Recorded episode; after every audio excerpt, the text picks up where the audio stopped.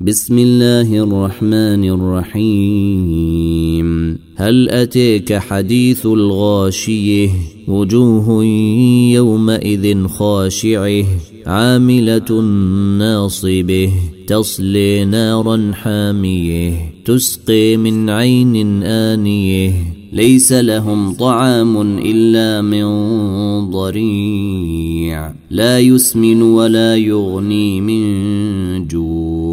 وجوه يومئذ ناعمه لسعيها راضيه في جنة عاليه لا تسمع فيها لاغيه فيها عين جاريه فيها سرر مرفوعه وأكواب موضوعه ونمارق مصفوفه وزرابي مبثوثه أفلا ينظرون إلى الإبل كيف خلقت وإلى السماء كيف رفعت وإلى الجبال كيف نصبت وإلى الأرض كيف سطحت.